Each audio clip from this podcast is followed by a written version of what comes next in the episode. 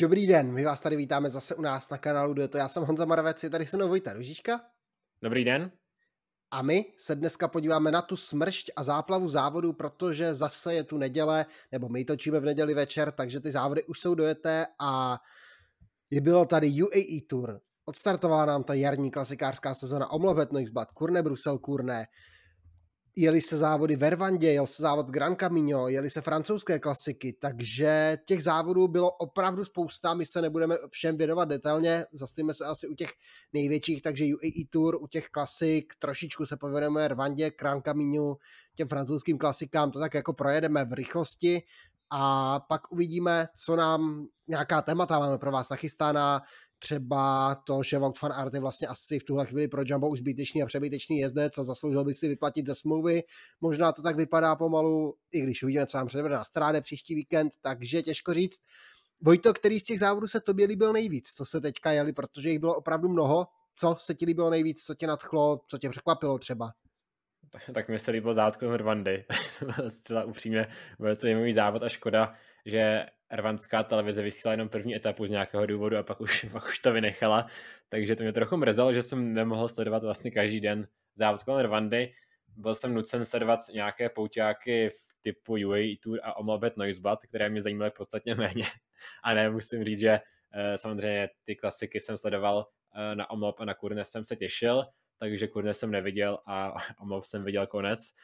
ale Omlob minimálně eh, byl celkem zajímavý vzhledem tomu, že nám dal třeba nějaký ukazatel toho, jak vlastně Jumbo je silné eh, a ještě, jestli to bylo možné, tak ještě silnější, než bylo v loňské roky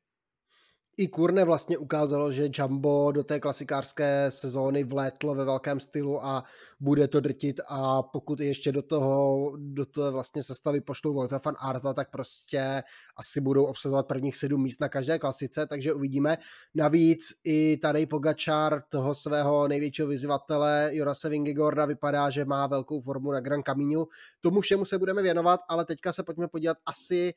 na ten World Tour etapák, UAE Tour, který teda byl trošičku slabší, nebo ne slabší, jakože tak konkurence na tom vrchařském poli v, tom, na, v té bitvě o celkové pořadí nebyla tak silná jako ostatní roky a možná to trošičku uškodilo té bitvě, ale pojďme se podívat, co se dělo, protože přijeli zase na druhou stranu elitní sprinteři. No, ale ten závod se vlastně rozhodl už v první etapě. To celkové pořadí kdy se to celkové pořadí zúžilo na tři jména, ale skutečně těch sprinterů tady byli snad úplně všichni s výjimkou těch celé klasiky, takže to byl Arno Delay celé klasiky, Jasper Philipsen a jinak eh, tady snad byli úplně všichni. Takže... Fabio Jakobsen ještě. Fabio Jakobsen vlastně a to byl taky právě, který objel, objel klasiky, takže eh, to startní pole tady bylo hodně silné po sprinterské stránce, Nicméně hned té první etapě několikrát to rozdělilo na větru. Za mě naprosté selhání týmu UAE, který eh, tady měl dva velice silné závodníky, ať už to byl Jay Vine, pak, už, pak to byl Adam Yates, přičemž Jay Vine si přivezl nějaké zranění kolene, takže Jay Vine uh, to byl ne úplně ten Jay Vine, kterého jsme viděli na Tour de Under. A co se týče zbytku týmu UAE, tak v té první etapě nejprve se jim povedlo ztratit eh, při první dělení na větru, ale pak se zvolnil, takže se tam dokázal vrátit a člověk by si řekl, že se tak nějak poučí, ale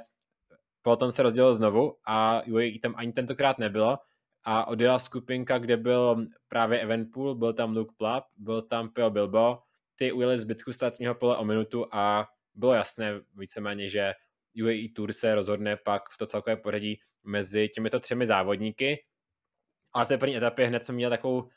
drobnou kontroverzi, kdy ten sprint byl mimořádně těsný mezi Calebem Ewanem a Timem Merlierem a byl to také opět ukazatele uh, vzpomínky na Amstel Gold Race z roku 2021, kdy uh, nejprve byl vyhlášen jako vítěz uh, Merlier, pak se objevilo výsledky, že to byl vlastně Caleb Ewan, nakonec Tim Merlier a bylo divné, že fanouškům nebyla v televizi ukázána Eh, ta cílová fotografie, že tam byla jenom ta taková ta předběžná cílová fotografie, z které nebylo jasné, kdo vyhrál. A pak tam bylo jenom vidět záběr, jak eh, Caleb Juven a Tim Merlier stojí před televizí, z milimetru se koukají a vlastně ani oni nevědí, kdo vyhrál. To bylo opravdu velmi těsný sprint a nebylo to úplně mediálně nějak zvládnuté, dobře odkomunikované, dlouho se čekalo na to vyhlášení, přeskoumávala se ta fotografie opravdu důkladně, nakonec byl za vítěze vybrán nebo vyhlášen ty Merlier, druhý tam byl tedy Caleb Ewan, pro třetí místo si dojel Mark Cavendish, ale jak říkal Vojta, to celkové pořadí bylo rozdělené na tom větru hned po té první etapě. Tam zůstali vlastně jenom tři jezdci na to celkové pořadí, ostatní chytli vlastně 50 vteřin ztráty. Druhý den se pak jela týmová časovka na a byla to velmi napínavá bitva mezi týmem Soudal Quickstep a pa, nakonec týmem EF, který je tam vyzval a prohrál vlastně o jednu jedinou sekundu se Soudalem, ale Soudal si dal pro vítězství trošku bych skritizoval Quickstep za to, jak to mediálně odkomunikovali vlastně to, že pak dávali na Twitter fotky Josefa Černého a on tam byl s, to byl snad Luis Frfeke, že si tam dávali kámenušky papír o to, kdo bude moct projet teda druhý cílem za Remkem Evenpoolem, to za mě není úplně šťastné vyjádření a úplně nějaká šťastná informace to bych asi úplně nepouštěl do éteru, ale, ale Soudal teda vyhrál před EF. Ineos tam byl třetí, ztratil tři vteřiny, Bahrain čtvrtý, ztratil čtyři vteřiny, takže Plap, Bilbao i Evenpool tam vlastně ty, ty rozdíly mezi sebou neměli téměř žádné, i tady po té časovce. A Luke Plap se oblékl do dresu lídra, dostal se do čela díky vlastně bonusovým vteřinám před Remka Evenpoola. A měli teda ale schodný čas, takže to bylo docela, bylo jasné, to bude zkrátka hodně těsné. Pak se etapa, ta první horská, ale ta etapa na Jebel Jais, která se třetí den, tak přeci jenom uh, Jebel Jais je stoupání, které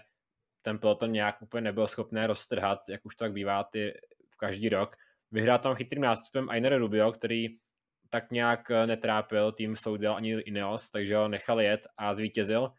Byla to první výhra po, pro Ainera Rubio, takže uh, určitě dobrý počin. Pak Remco Evenpool dal druhý, oblékl se do červeného trikotu No a následovaly tři etapy, které byly víceméně jak přes kopírák, prostě klasické sprinterské etapy, eh, přičemž v jedné z nich se dokonce peloton i rozdělil na tom větru, ale vždycky se to všechno posíždělo. Takže první z nich vyhrál trochu překvapivě Juan Sebastian Molano, eh, tu teda etapu čtvrtou v pořadí. Juan Sebastian Molano, kdy využil eh, zadního kola, myslím to byl Olava Koje a dostal, získal tu výhru. Pak další den se radoval už Dan Hrnevéchen před Fernandem Gavírou a samým Benetem, takže bylo zajímavé, že vlastně vždycky v tom sprintu se objevil ten sprinter, který ten předchozí den neuspěl a nebyl to nějaký jeden dominantní sprinter. Možná s výjimkou Tima Merliera, co jsme viděli ten, poté v té etapě šesté, protože Tim Merlier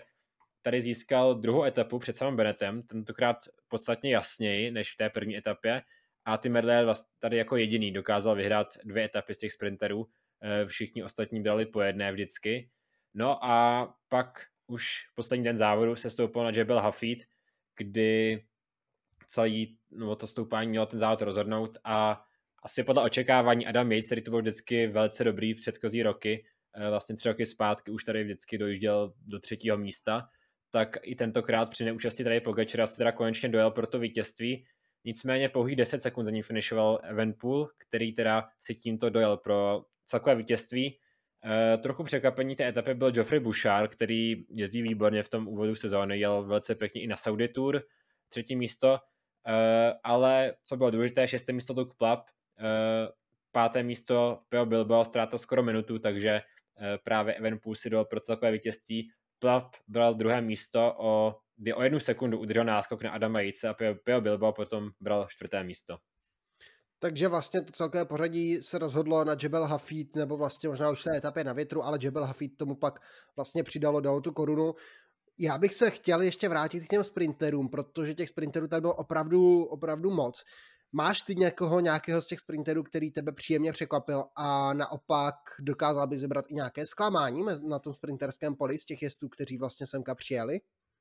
Tak zklamání se asi nabízí Caleb Juven, to je celkem jasné, i když v té první etapě byl, ale do zbytku těch sprintů se nezapojil. Pak i Mark Cavendish, uh, jsem od něj čekal více, ten se zapojil tak do jednoho sprintu a ve zbytku skoro vůbec nefiguroval. Uh, a Fernando Gavira byl taky celkem zklamání, ačkoliv ten aspoň dokázal sebrat to druhé místo v té, myslím si, že páté etapě za Dylanem Chrenevéchnem. A co se týče toho překvapení, tak uh, myslím si, že Sam Wellsford,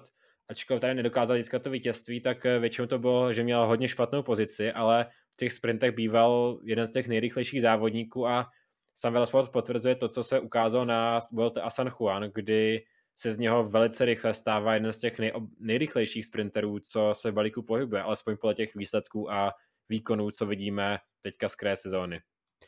Určitě souhlasím, ale já bych třeba u těch zklamání klidně vy, zmínil i Eliu Vivianiho, ten se do toho sportu nedostal snad do žádného. Hodně špatně si tam vedl i Phil Bauhaus, taky absolutně nulový a Arnaud Demar, taky jezdec, o kterém vlastně jsme nevěděli pomalu, že, že jel ten závod. Takže těch zklamaných sporterů tady je opravdu velké množství. Možná i sam Bennett čekal třeba, bych, bych řekl, že od sebe mohl čekat, mohl čekat víc, sice tam přidal druhé místo,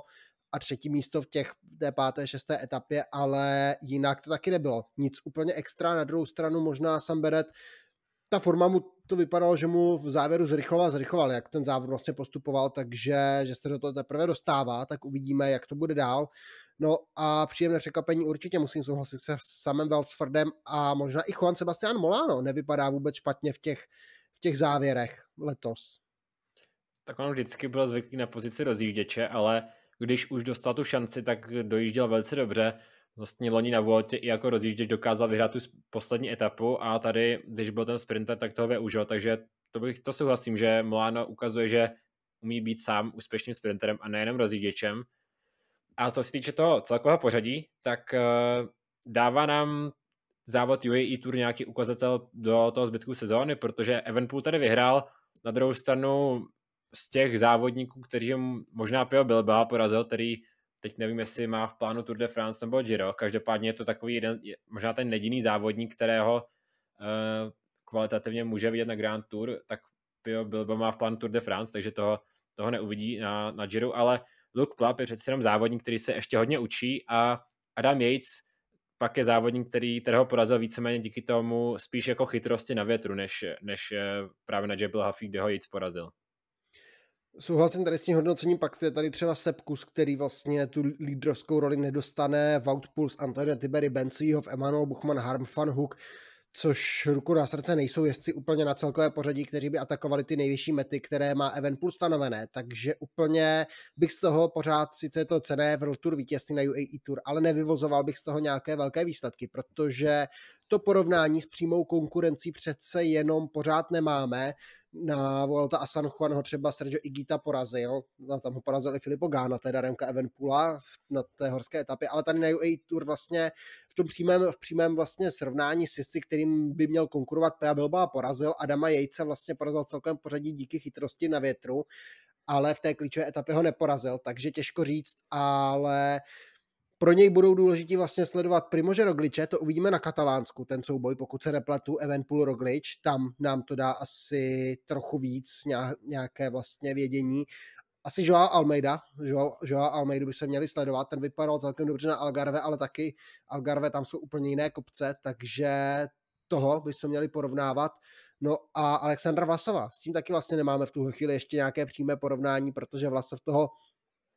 taky za stolik neobjal, takže ještě brzo podle mě vynášet nějaké soudy, kdo na tom, jak je směrem vlastně k Giro. Jay Vine ten třeba vůbec nedokončil, nejel UAE nebyl vidět, takže taky nemůžeme srovnávat. A ještě nesmím zapomenout na Granta Tomase, který tak poslední měsíc koukám, když sleduju jeho sociální sítě, tak většinou se fotí, jak sedí Ukrajinice a i nějaký fast food ze stánku eh, společně s kameramanem Wurfem, takže otázka, jaká on bude konkurence na Giro, ale souhlasím, že takový první ukazatel vzhledem k Giro by měla být asi závodkon Katalánska a porovnání s Primožem Rogličem, kterým tak Primož Roglič zvolil takovou strategii, že pojede před Girem jenom závodkon Katalánska a žádný jiný závod, což je docela zajímavé, ale to rozebereme asi, až budeme si rozebírat závodkon Katalánska. A myslím si, že UAE Tour, možná ještě výkon Luka Plapa byl takový zajímavý první velký talent, ale po celkem neúspěchu talentské sezóně to on takové první jeho úspěch uh, v tom celkovém pořadí, ale pořád uh, to je závodník, který asi ještě má kam růst a zatím, zatím předpokládám nedozrál do té úrovně, do, do kterému Ineos věří, že by mohl dozrát. Ale asi pojďme na ty další závody a šli bychom právě na Omlophet Noiseblad. Takže Omlophet Noiseblad, první World Tour klasika roku po no, první World Tour klasika, ta belgická, ta evropská World Tour klasika, takový ten otvírák té sezóny klasikářské, evropské a co tam se dělo? Vytvořil se poměrně zajímavý únik, Jelevale, Matias Nordgaard, Matis, Le, Matis Leber, další závodníci, asi sedmička jezdců tam byla a za nimi, jak to tak bývá, po polovině závodu se začala tvořit stíhací skupina, útočilo se tam, najížděli tam jezdci Jumbo, to tam hodně trhalo, dostalo tam třeba i šest lidí do čela. Nakonec se do stíhání pustila šestice Tratník, Van Hooydonk, Fred Wright, Marco Haller, Conor Swift, Kelland O'Brien, kteří vlastně se eh, umístili na nějakým 90. kilometru před cílem, se umístili vlastně do prostoru mezi ten původní únik a peloton a postupně se tam tak jako ty rozdíly snižovaly, zvětšovaly a pak přišel ten nějaký rozhodující moment, No, teďka mi to vypadlo, když přišel ten rozhodující moment, na kterém tom kopci Vojte nahoď mi. Já, já tě moc nepomůžu, protože to sám nevím. A mám takový pocit, že to vlastně ani nebylo na žádném stoupání, že Dan van Barla vyprovokoval ten útok jako mimo, mimo, mimo, mimo ty stoupání na takovém jako těžkém momentu a žádný ten oficiální dážděný úsek to nebyl. No, tak my jsme se na to teda perfektně připravili, hlavně, že jsem ten závod včera sledoval. Každopádně vám to výborně,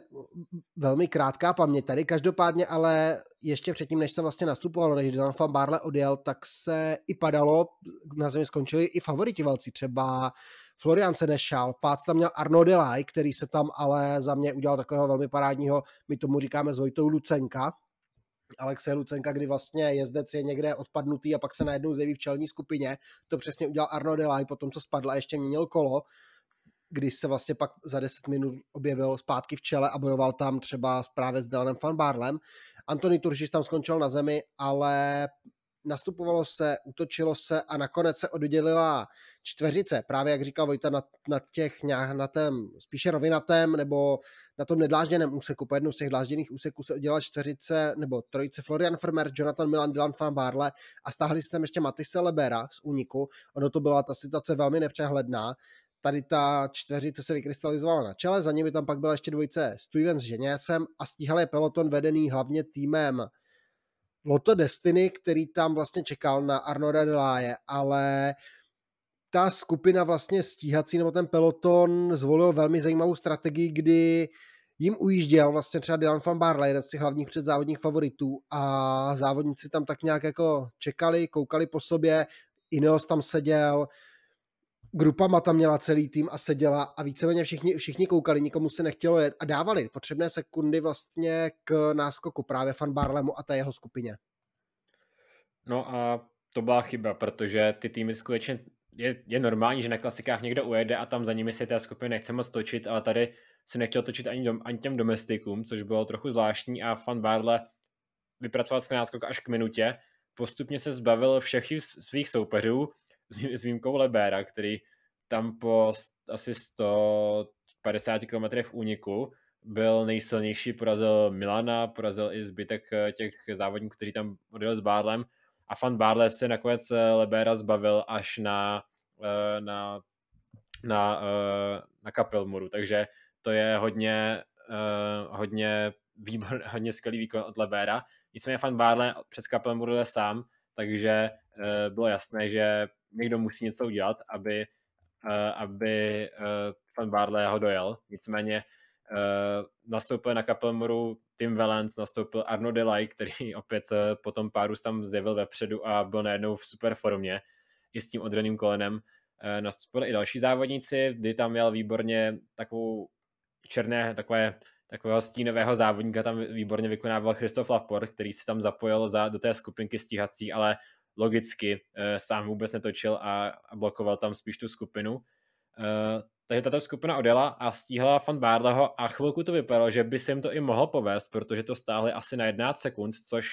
z té minuty už se tak nějak mohlo zdát, že by se to blížilo, ale Fan Barle jel skutečně famózně a nikdo ho docíl až nedohonil a Fan Barle si teda dojel pro vítězství, kdy na druhém místě pak dojel Arno Delay, třetí místo bral Christoph Laport a Alexander Kristoff uh, si dal pro čtvrté místo, pátý pak Tom Pitko, který po celkem neviditelném výkonu nakonec bral aspoň páté místo. No, uh, ukázal se nám tady, tak jakoby, kdybych měl zmiňovat nějaké nejlepší, nejlepší výkony, uh, nejlepší výkony, co jsme v tom závodě mohli vidět, tak uh, za první, uh, pokud uh, nemáte aplikace Eurosportu, tak za mě výborný výkon, pokud máte Eurosport v televizi, předvedl právě Eurosport, který uh, dal dvě reklamy v závěru, jednu v momentě, kdy nastupoval Dylan van Barle a druhou přes Kapelmur, takže jste neviděli dva nejdůležitější momenty z toho závodu, takže to byl první skvělý výkon. A teďka ironicky tak eh, naprosto famózní výkon Jamba, který eh, to sehrál dokonale i bez nejsilnějšího závodníka, kterého papírové mají, a to je Wout van Aert a jeli skvěle týmově, protože jakmile někdo nastupoval, okamžitě tam někdo z Jamba byl, skákal tam Jan Tratnik, který se skvěle ukázal, skákal tam právě Laport, byl vidět Týž Benot, Nathan Van Hooydonk taky jel ve velmi dobré formě a ty nástupy si všechny pokrývali, takže Jumbo vlastně tady a pak to potvrdili vlastně i na kurne, protože to udělali úplně stejně. Vlastně na kurne taky pokrývali ty nástupy a rozhodli to pro sebe ten závod, ale k tomu se dostaneme tady na omlopu znovu. Nechali ujet Dylana Van Barleho a pokrývali mu vlastně ty další konkurenty a Van Barla se na mu zbavil i posledního soupeře Lebera a pak už si to dal sám. Navíc té stíhací skupině silné s Valencem, s Mohoričem a Delajem byl ještě Chris Laport, který tam netočil a kazal tam tu spolupráci díky čemuž vlastně Van Barleho nikdo nedojel a byl za ním sprint pelotonu, takže určitě Jumbo klobouk dolů, protože tady ten předvedený výkon určitě si zaslouží velkou pochvalu. Koho bychom mohli určitě pochválit za ten výkon? Pochopitelně Arno Delay, to je prostě ten člověk je, nevím, kde on může mít strop výkonnosti, protože znovu ten, ten výkon, co tady předvedl na omlopu, něco neskutečného. Byl tam, útočil tam do těch skupin, nas, naskakoval, vracel se i po pádu, vypadal bojovně naladěný, nevzdal to a nakonec si dal pro druhé místo. Takže Arno Relay, první velká World Tour klasika, kterou jel a hned druhé místo. Takže taky klobouk dolů a uvidíme, kde až se může Arno Delay zastavit. No, skutečně nevím, protože ten jeho výkon bych řadil třeba na úroveň právě Dylana von Barleyho, jelikož Arno Delay byl v tom pádu, byl tam docela dost sedřený, ale dokázal se vrátit zpátky a pak byl vlastně nejrychlejší z toho zbytku světa za, když pomeneme právě tým Jumbo, eh, společně s týmem Valencem tam odváděl hodně práce, a dokázal pak porazit i Christofa Laporta v tom sprintu, který tam 20 km víceméně čekal za ním, protože logicky nestřídal, takže Arno Delay, nevím, kde má strop, ale tak nějak jsem už eh, našel názory, že Belgie se našla nového Toma Bonena, co se týče klasik a do budoucna je to dost pravděpodobné, protože jestli bude porostet tímhle tím způsobem, tak uh, klidně může vyrovnat aspoň co se týče těch několika asi 140 výher, kolik má Tom Bonen, tak myslím, že Arno Delay se mu velice rychle blíží, jakož zbývá, sbírá eh, desítky výher za rok, nebo loni měl asi 12, letos už jich má několik a myslím si, že tu desítku by taky mohl překonat. No, to je dobré přirovnání s Tomem Bonenem, protože to vypadá, že opravdu by mohl být docela podobný typ. Možná Arno Delay bude ještě trošičku silnější v kupcích, než byl Tom Bonen, takže uvidíme. Určitě Tim Velen si myslím zaslouží pochvalu. Po tom nepovedeném úvodu na Majorce se zvedá, zvládl velmi dobře Rute Sol a teďka to vypadá, že bude asi jasným klasikářským lídrem pro tým UAE tady na těch dlážených klasikách, protože Mateo Trentin byl absolutně neviditelný a Tim Valens to zajal velmi dobře nějaká přísnější měřítka, aby snesl i Bahrain. Fred Wright se tam motal v těch skupinách, Jonathan Milan tam byl v té skupině vlastně s Dalanem van Barem, ale neuvisel ho a Matej Mohorič taky vypadá velmi dobře takhle z úvodu té sezóny. Takže podle mě i Bahrain by snesl taková nějaká přísnější měřítka, ale když se podíváme na tu druhou stranu mince, za mě Inos prokaučoval tu svoji chvíli, odjíždí vám vlastně váš bývalý jezdec, odjíždí vám vítěz Paříž Roubaix, jeden z nejlepších klasikářů současné generace a vy sedíte, koukáte, máte tam dva lidi a čekáte, co udělají ostatní. To je podle mě takticky špatně zvládnuté. Tom Pitcock tam byl v tom původním nástupu, pak se to zvolnil a Dan van Barle krátce poté nastoupil znova a to už tam Tom Pitcock chyběl, což byla jasná chyba. Pak tam byl Magnus Sheffield, který v té skupině jako byl, což bylo všechno, ale víceméně nic, nic jsme ani neviděli, což je pro mě docela zklamání, protože Magnus Sheffield je závodník, který já ho docela já sleduji a Ineos to pak i házel na to, že jim vypadl Ben Turner docela brzo v tom závodě a zlomil si lok, nebo má frakturu lokte, takže věřím, že Bernd Tarn by mohl být nějakým velkým faktorem, asi v té skupině by byl, minimálně v té stíhací, ale i tak, ta, i tak Ineos tam měl silné složení a mohl tu situaci nějakým způsobem ovlivňovat jenom s Pitcockem a Sheffieldem, kteří jsou sami o sobě velice silní závodníci. A ta druhá, ten druhý tým, který bych asi vyzval mezi těmi velkými poraženými, je tým Quickstep, a který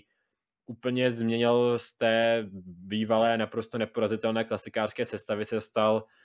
tým, který na klasikách nějak se mu nedaří. A samozřejmě chyba tam Kasper Asgren, který se těsně před tím závodem uh, onemocněl, ale i tak ta, ta sestava byla docela silná a byla víceméně úplně neviditelná. Davide Ballerini si dojel pro šesté místo ve sprintu, ale to je tak jako všechno, co předvedli, protože přece jenom je tam i Flampard, který, bí, který býval jako velkou nadějí, Florian Senešal, do kterého my s Vojtou vkládáme naděje na klasiky, Kasper Pedersen, nová posila, takže i ty, i Quickstep poslal, tam poslal jména, ale ta nepředvedla vůbec nic, takže určitě nemůžou být s tím úvodem příliš spokojení, protože vidět rozhodně nebyli. A taky jeden z těch velmi poražených týmů, to samé se dá říct klidně o Aže s Gregem van Avermetem, Oliné Santantera padal na zem, tam bych pochválil možná Benoata Kosnefroje, který sice neviditelně, ale byl tam v té skupině, držel se s těmi klasikáři a uvidíme, co nám může předvést dál do té sezóny. Takže Benoa Kosnefroja určitě za mě bych řekl, že, že, že by se dal sledovat jako jezdec, který může pak na nějaké z těch větších klasik typu no, na ronde by mohl překvapit. Klidně bych se nebál říct. Stefan King asi teprve ladí formu, ale byl tam, bojoval, nastupoval, takže takový normální výkon, ale grupa má týmově podle mě to úplně nezvládla, protože tam měli snad celý tým v tom pelotonu a koukali na všechny ostatní. Top moment za mě byl, když tam vlastně na čelo najeli čtyři jezdci Jamba a ten celý peloton byl za nimi. To bylo asi víceméně jasné, že bude, že bude hotovo když vlastně tam to bylo vlastně, tam ty týmy byly po dvojicích, po trojicích, po čtvericích a nikdo nechtěl jet a na čele byli jezdci Jamba, kteří měli vepředu Van Barleho, tak to bylo jasné, že Van Barle to ujede. Total určitě velké zklamání Peter Sagan, vypadá to, že ty roky jeho nejlepší už jsou ty tam. Antony Turžis tam měl pád, takže taky smůla. Omlouvám se Antonimu Turžisovi, že jsem ho vybíral jako vítěze, takže bohužel. A i Zdeněk Štybár, taky se mu to nepovedlo, úplně odpadal tam poměrně brzy, takže taky škoda. A tak. Možná zmíním ještě Matěja Savacka, který v momentě, kdy grupa má, uh, jak už Honza naznačil, chytře se dělal za týmem Jumbo a čekal, že Jumbo si sede Dylana van Bardleho, nebo nevím, co čekali s těmi asi pěti domestiky, co tam měl Stefan King, tak právě najel načel Matěja Zvacek a Matěja Zvacek možná byl jeden z těch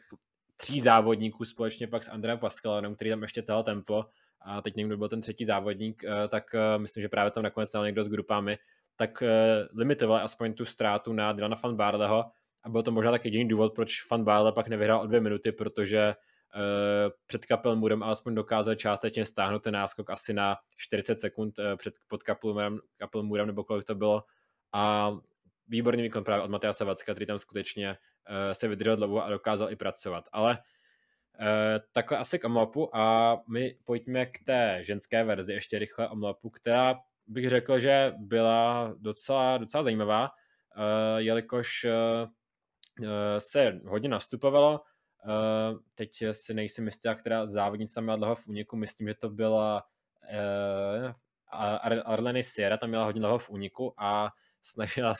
snažila se tam získat, eh, získat náskok, ale nakonec eh, podobný průběh jako u mužů, jednoznačný nástup Lotte Kopecky a eh, ta deklasovala všechny a dojela se pro tu výhru a myslím si, že dost, dost suverénním způsobem.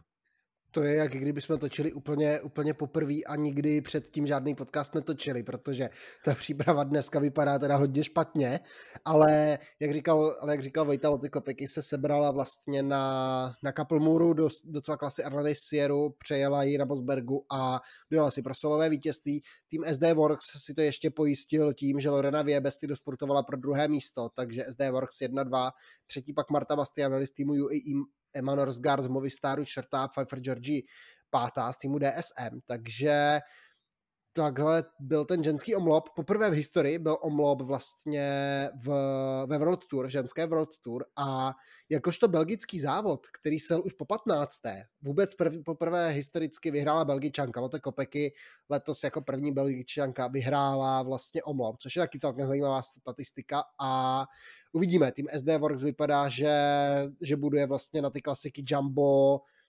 Jumbo z toho mužského pelotonu, protože Zlaté Kopeky a Lorenou Viebes je to ohromná síla, kterou mají a mohou hrát takhle klidně na dvě karty a to vůbec nezmíněme ty další závodnice, které tam mají, protože i Marlen Reusser nebo Demi Fullering jsou závodnice, které mohou jet na sebe, ale tady, tady tým SD Works může najít aspoň nějakou konkurenci v té síle,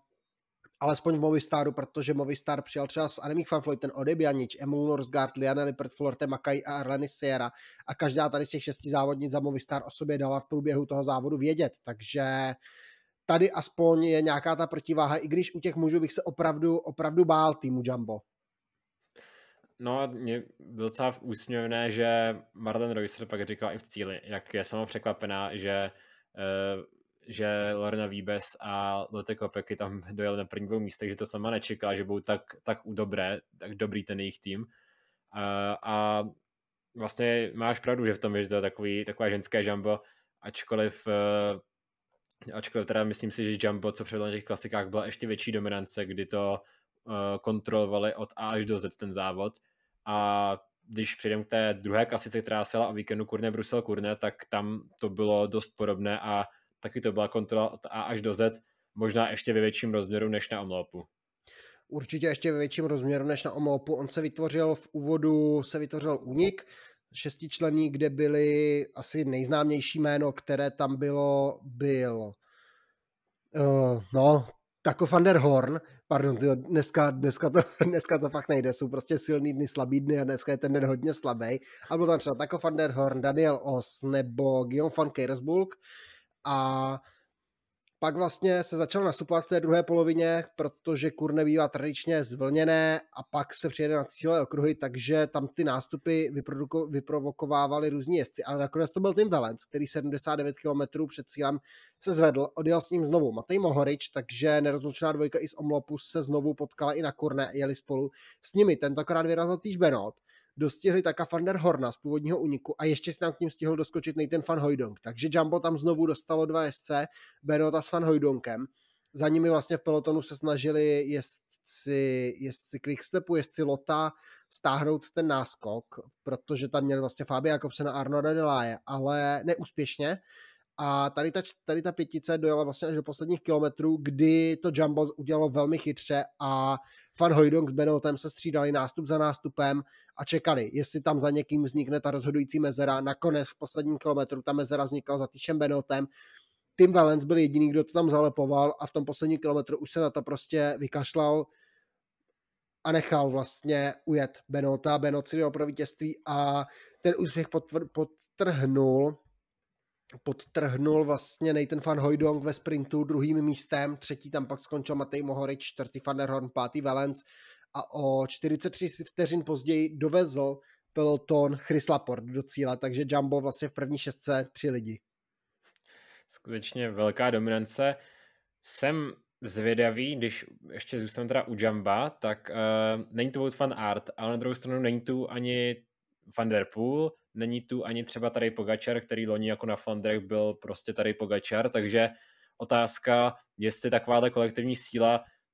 bude vyzraje nebo na sílu potom Matěje van der Poel, protože když si vzpomínám, když má Matěje van der, Poel, Matěje van der Poel svůj den, tak skutečně je těžko k poražení a to samé tady Pogačar, takže může tam ta kolektivní síla uspět u, u Jumba, protože zatím vypadá, že se dobře rozumí, že tam není žádná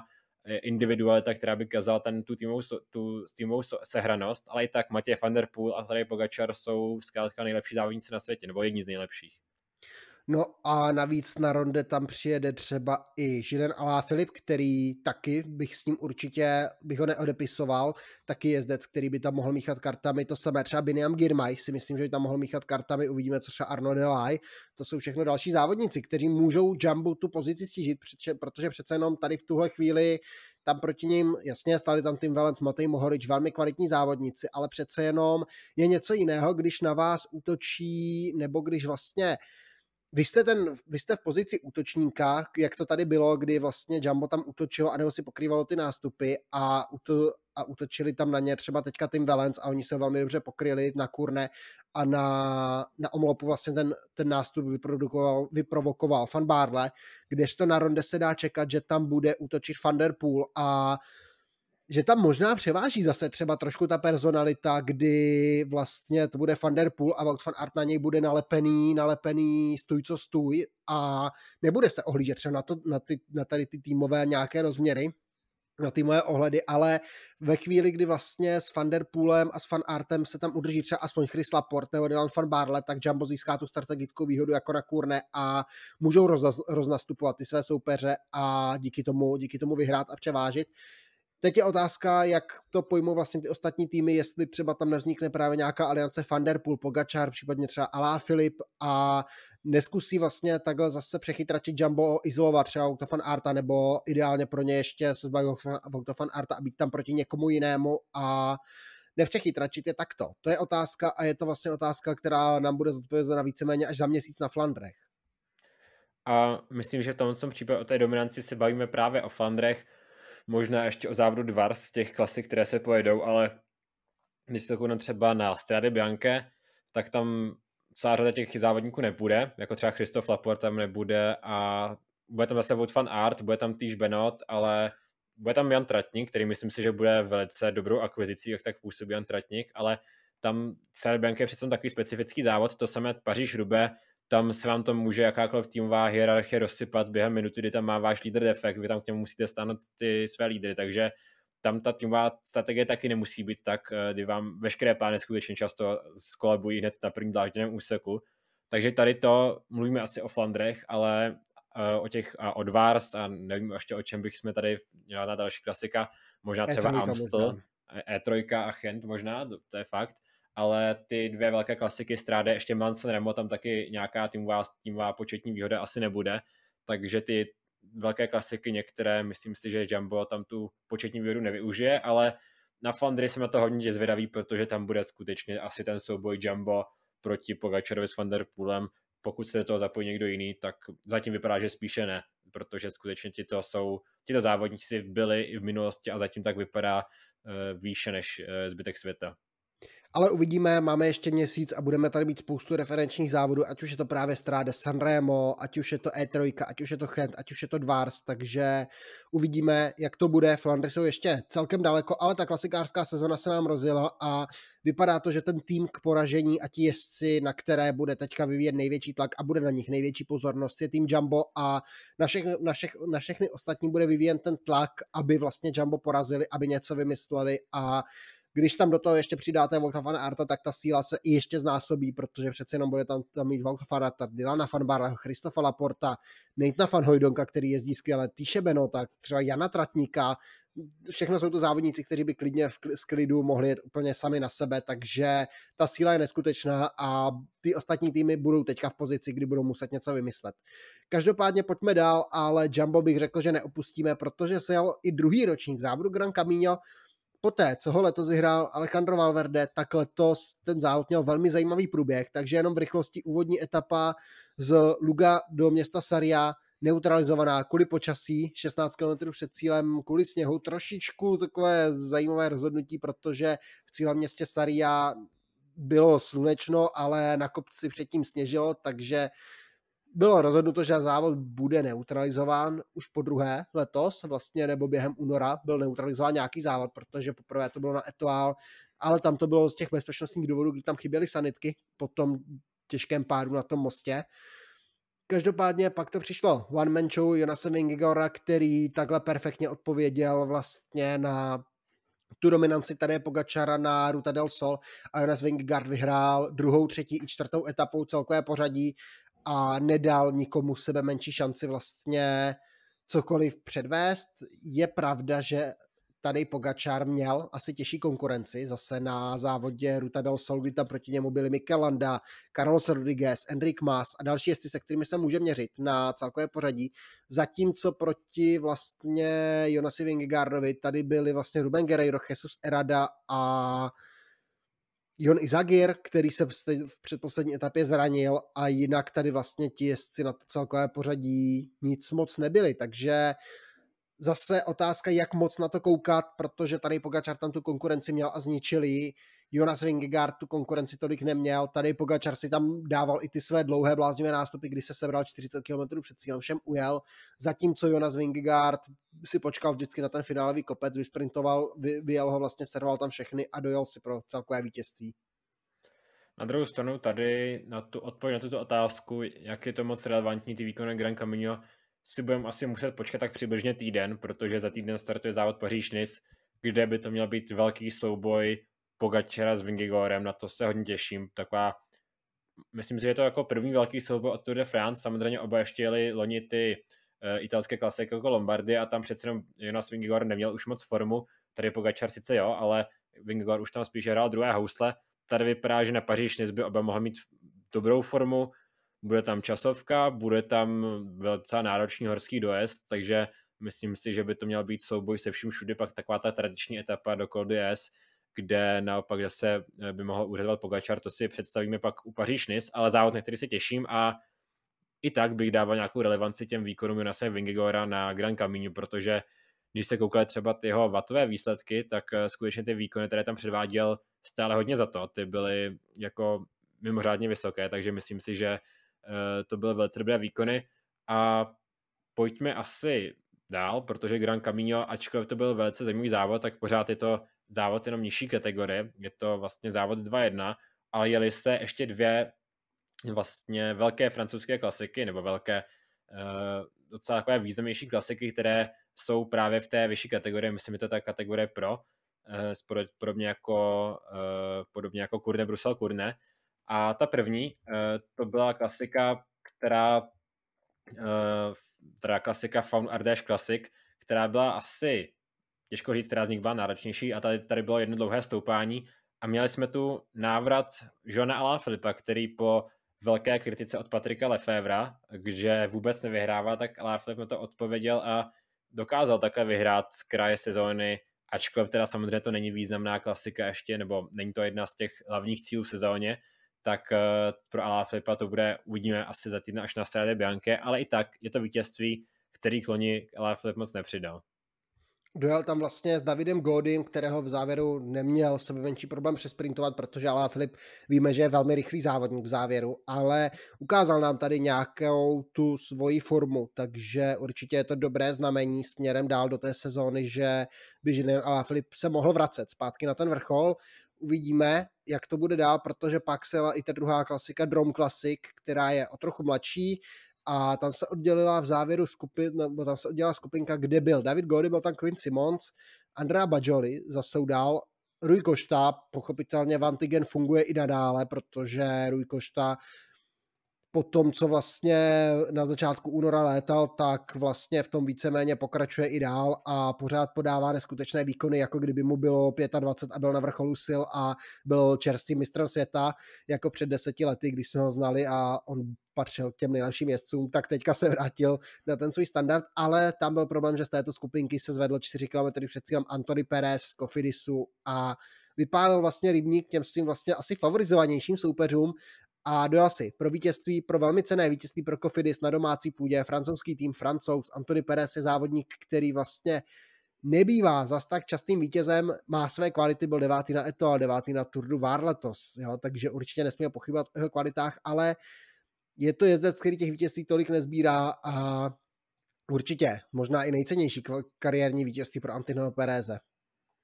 Asi, asi určitě. Pak tam za ní teda právě druhý rukoště, třetí Andrea Bajoli. Eh, ale ta klasika, zajímavá, Antony Perez překvapivý vítěz v hodně, hodně silné konkurenci, takže docela významná výhra pro Kofidis jako pro domácí tým. A my asi pojďme k tomu poslednímu závodu, který nás dneska čeká a to je to hlavní, protože si jel závod kolem Rwandy, ale možná se tam trochu smějete teďka, ale je to závod, který už začíná být pomalu tak jakoby zaběhnutou součástí toho kalendáře. Populární závod, kdy se každý, kdy se za něj sjíždí čím dál tím více nějakých větších týmů. Eh, letos tam nechyběli třeba Izrael, eh, nechyběl Soudal, ačkoliv to byl jen development tým, ale za Soudal přijel třeba Inten Vernon, který už je součástí toho normálně hlavního týmu, pak týmy třeba Q36 Bardiany a Euskaltel Total, takže myslím si, že velice zajímavá sestava a ten závod byl hodně zajímavý. Nakonec ho vyhrál Henok Mulbrhan, který je taky expert přes tyto africké závody, jako eritrejský závodník je asi má určitě v oblibě. Uh, jel tady i třeba Chris Froome, což byla zajímavost. Chris Froome uh, dlouho se zdálo, že tady dokonce získá po, po pěti letech vlastně svoji první výhru, kdy to byla, myslím,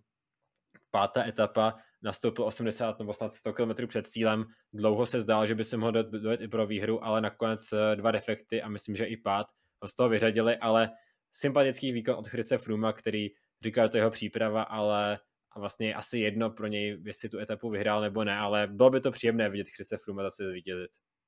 Ale jak říkal Vojta, Tour de Rwanda je závod, který jde každoročně nahoru a vlastně letos vyhrál to celkové pořadí Henok Mulberhan, který ale měl stejný čas jako Walter Calzoni na druhém místě a třetí William Lekerf z právě development týmu Quickstepu ztratil sekundu, čtvrtý Viktor Delaparte ztratil čtyři vteřiny, takže osm etap a první čtyři dělili čtyři vteřiny. Extrémně vyrovnaný, napínavý závod, hodně náročně vrchařský závod a opravdu se tam sjela letos velmi dobrá konkurence. Chris Froome byl vlastně jenom takový ten vrchol a to největší lákadlo, ale i tak tam právě přijeli zajímavé týmy a je to závod, který určitě do dalších let si zaslouží větší a větší pozornost, hlavně směrem k tomu mistrovství světa v roce 2025, které se má právě ve Rwandě konat, takže se dá čekat, že třeba příští rok a za ty dva roky ta účast bude ještě lepší, ještě větší a že tam uvidíme možná i World Tour týmy už. No a ta divácká kulisa jako vždy byla prostě absolutně fantastická, takže vůbec nedokážu ani představit, co nás bude čekat na tom mistrovství světa, protože to bude asi, asi něco, takže doufám, že se nic nepokazí a skutečně se to v té Rwandě pojede za ty, za ty dva a půl roku. Uh, to by mohlo být jedno z, co se týče těch divácké kulisy, tak jedno z těch nejlepších eh, mistrovství světa, které se, myslím, může s přehledem vyrovnat lokalitám, jako když se jelo ve Flandrech, nebo když se jela Tour de France Británii, tak co týče těch počtů fanoušků, které budou u silnice, může být něco velice podobného. No rozhodně se mě to zamlouvá víc než ten letošní koncept toho multimistrovství v půlce nebo na začátku srpna. To je fakt a vlastně bylo to, co jsem vlastně zvědavý, jak to ještě UCI vyřeší, protože úplně si nemyslím, že Rwanda je schopná logisticky utáhnout eh, tohoto megamistrovství, uh, takže asi uh, opustí tento scénář UCI, ačkoliv to má být takový hlavní vzor pro ty další roky. Uh, má to být, myslím, jednou za čtyři roky nebo jednou za tři roky, takže uh, myslím něco, co já bych upřímně nedával ani jednou za tři roky, nedával bych to asi vůbec. No, mělo být snad jednou za čtyři roky, teďka v Glasgow za čtyři roky, někde snad ve Francii, pokud se nepletu, 27, ale je to koncept, který mě se nelíbí, protože prostě je to takové velmi umělé, taková ta cyklistická olympiáda, úplně to není za mě šťastně zvolený koncept, bude to lidi spíše tak tříštit tu pozornost mezi ty disciplíny, ty závody, ty, ty vlastně závody nemají spolu tolik společného. Všichni jsme zvyklí vlastně na ten koncept, kdy vlastně mistrovství světa v silniční cyklistice je na konci září, jakožto ten předposlední vrchol té sezóny, pak už je tam jenom Lombardie a teďka to vlastně hozené doprostřed hnedka po Tour de France, kryje se to se závodem kolem Polska, kryje se to vlastně s eh, dalšími závody, z Benelux Tour se to bude bez tak krýt, bude se to krýt s, s San Sebastianem, tak Benelux Tour ještě zruší, protože se to bude zase s něčím krýt evidentně, ale a pak, mistr, ale pak vlastně mistrovství Evropy je teďka posunuté na konec září do toho původního termínu. Úplně se mi to nelíbí, tady to šachování s tím kalendářem a tady, kvůli tady tomu multimistrovství. Takže uvidíme, jak to bude, no.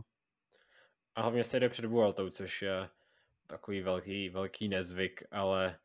třeba se na to zvykneme, zamluví, bude se na to zamlouvat předběžně, říkám, že se mi to nelíbí, ale uh, ještě uvidíme. Každopádně dnešní opět takové myšmaš video ale skutečně si toho docela hodně. Asi takové hlavní poznatky právě dominance týmu Jumbo a jsme zvědaví, jak se ho dokáže někdo vyzvat, ať už to bude Van der Poel Pogačar, nebo myslím si, že vedle něj můžeme s přehledem zařadit i Arnoda Delaje do příštích závodů. Takže na to se těšíme. Do těch dalších závodů čeká nás teda ještě teďka v příštím, takový, eh, příštím týdnu takový takové závody, které spíš nás eh, trochu mají přek, eh, překlenout, než, budou, než začne to zajímavé závody typu Lesamin nebo Laigueglia, které nejsou nějak významné, ale bývají docela zajímavé, takže spíš, aby jsme se nenudili a pak už o víkendu Strade Bianche, začátek paříž nice krátce po začátku Paříž i Treno Adriatico a myslím si, že to si při té příští, tom příštím týdnu někdy představíme eh, všechny tyto tři závody a už to bude naplno rozběhnutá cyklistická sezóna.